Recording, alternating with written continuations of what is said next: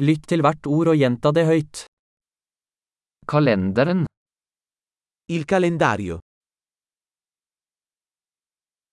Mandag. Lunedì. Tirsdag. Martedì. Onsdag. Mercoledì. Torsdag. Giovedì. Fredag. Venerdì. Lørdag. Sabato. Søndag. Domenica. Januar. Gennaio. Februar. Febbraio. Mars. Marzo. April.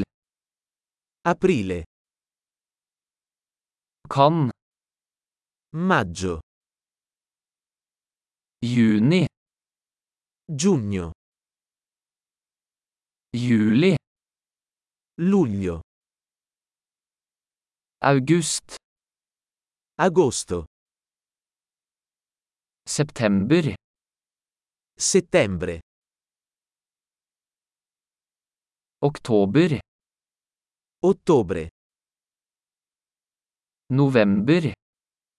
Novembre. Desember. Dicembre. Årstidene er vår, sommer, høst og vinter. Le stagioni sono primavera, estate, autunno e inverno.